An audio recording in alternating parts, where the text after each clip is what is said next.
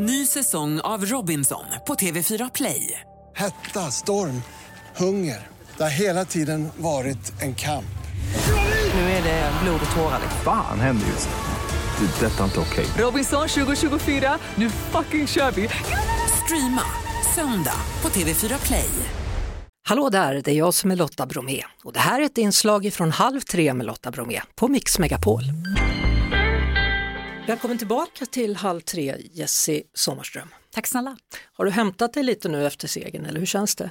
Ja, det har väl hunnit landa lite. Jag har ju vilat upp mig lite under helgen, men det är mycket som händer. Du är då den andra kvinnan i historien som vinner Årets kock. Det måste vara stort, den första på 34 år. Ja, det är helt otroligt. Men det var ju dags, eller hur? Det kan man säga. Jag bara tänker så här, det var ju sju stycken killar som du tävlade mot. Det är väldigt mansdominerat, eller?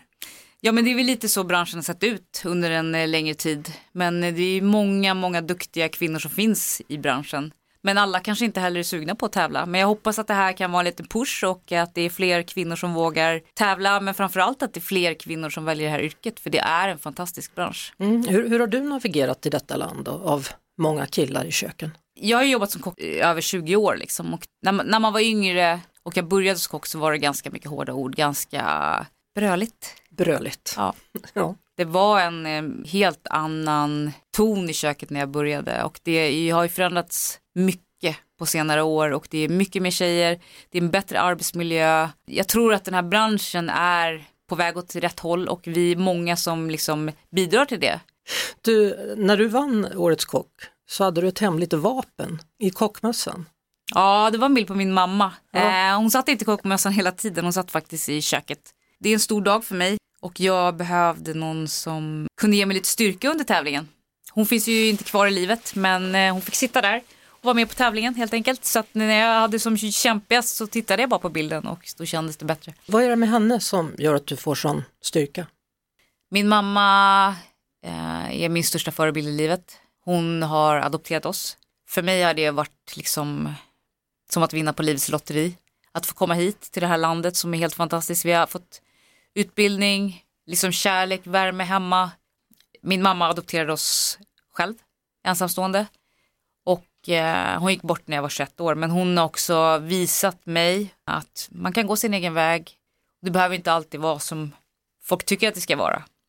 Men hon måste ha haft ett jäkla pannben också för jag hörde att först fick hon inte adoptera som ensamstående. Nej, hon är... Det är nog därifrån jag har fått mitt pannben. På den tiden fick man ju inte adoptera ensam så att hon eh, önskade ju få adoptera men de sa nej. Men eh, skam den som ger sig. Det tog henne tio år men eh, här är vi. Både jag och min bror kom till Sverige från Indien. Men, men gjorde hon så? Sa hon, kan vi göra en lista här då på vad jag ska uppfylla? Exakt så var det. Hon frågade vad det var som krävdes egentligen för att man ska adoptera.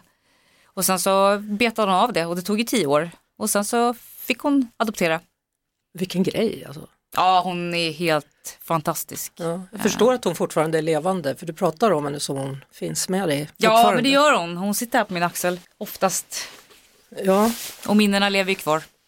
Hur har din familj idag då? Hur har de stöttat dig i den här resan till att vinna det här priset? Alltså min man jobbar också som kock. Eh, Han är helt fantastisk. Han har ju tagit hand om våra barn. Jag såg er bröllopsbild, hade han kilt på sig?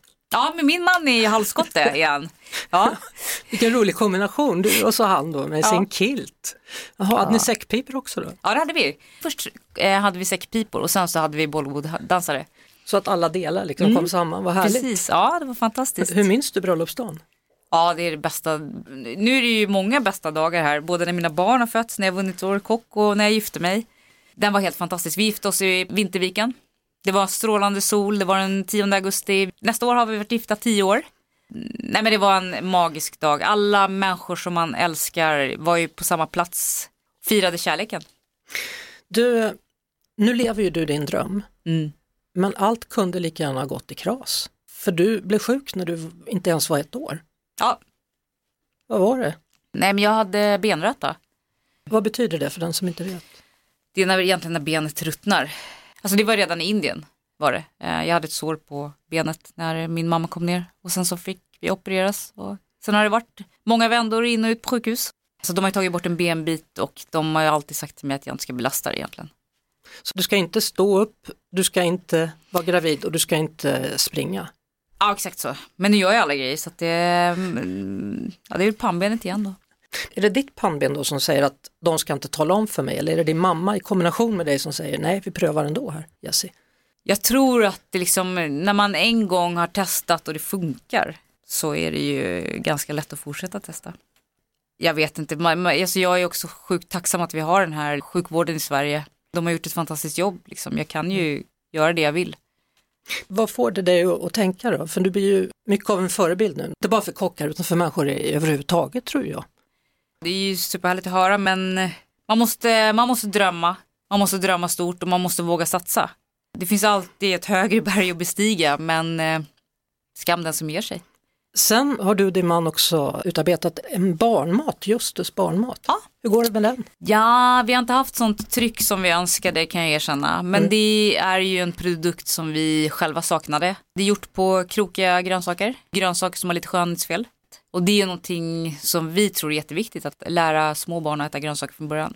Och sen går en del av eh, det man betalar för den går tillbaka till Indien har jag förstått. Precis, det går till indiska flickor och deras studier. För det är någonting som ligger mig väldigt varmt om hjärtat. Jag har fått den här möjligheten att komma hit och få en trygg uppväxt och utbildning. Så att vi känner ju att vi kan skänka de pengarna och kanske göra en liten, liten förändring för någon annan. Har du varit tillbaka i Indien genom åren? Ja, jag har varit där ganska många gånger. Jag var där första gången i tre, fyra månader med min mamma när vi var tio. Jag är dålig på år alltså, men när vi var små i alla fall för att vi skulle få se vart vi kommer ifrån, hälsa på vårt barnhem, liksom lära känna kulturen. Och det är ju fantastiskt. Sen har jag varit där även i vuxen ålder. Vi var ju också där på smekmånad när vi gifte oss. Jag måste visa min man vart jag kommer ifrån. Det är klart. Du är kreativ ledare på Urban Deli. Mm. Vad betyder det? Egentligen betyder det att man är ett kreativt bollplank för köksmästare, saluhallschefer och butikerna. Urban Deli är ju en butik, en saluhall och en restaurang i ett. Då kan jag komma med idéer eller råvaror eller någonting som jag tycker är spännande. Jag bollar det med köksmästarna. Vi har ju köksmästare som gör menyerna men jag kan alltid komma med lite inspel och sådär. Om vi blickar framåt då, vad har du för visioner och mål med maten? Jag vet att jag vill utveckla min hållbara matlagning. Jag vill lära mig så mycket som möjligt för det är ju en stor del som är så otroligt viktig just nu. Vi lämnar ju avtryck med allt vi gör idag. Och det jag kan och det som jag är bra på det är att laga mat. Och kan man göra världen lite bättre så får man försöka. Vad gör man nu då? Nu har du fått den här titeln Årets kock. Vad händer härnäst? Jag vet inte. Ska du ut och tävla i världen? Jag ska inte tävla mer, det kan jag lova dig. Inte ens på uh, nej, nej, nej, nej, jag har lovat min man, det blir inga mer tävlingar. För att? Nej men det är ganska slitigt på familjen faktiskt. Eh, det krävs mycket. Det är tufft för familjen. Så att vi kommer inte, eller jag kommer aldrig tävla igen efter det här. Nu får man vara nöjd. Ibland måste man vara nöjd också. Ja, så du fortsätter jobba där du jobbar då? Ja, vi får se vad som händer i framtiden. Du har ingen sån här dröm om att öppna eget eller så? Nej, jag är faktiskt inte sugen på att ha eget. Man, ibland, eh, det är ganska härligt att vara anställd också. Jag önskar dig lycka till då. Tack snälla. Och än en gång stort grattis till titeln. Tack så hemskt mycket. Det var det. Vi hörs såklart igen på Mix Megapol varje eftermiddag vid halv tre.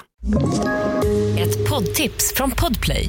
I fallen jag aldrig glömmer djupdyker Hasse Aro i arbetet bakom några av Sveriges mest uppseendeväckande brottsutredningar går vi in med hemlig telefonavlyssning och, och då upplever vi att vi får en total förändring av hans beteende. Vad är det som händer nu? Vem är det som läcker?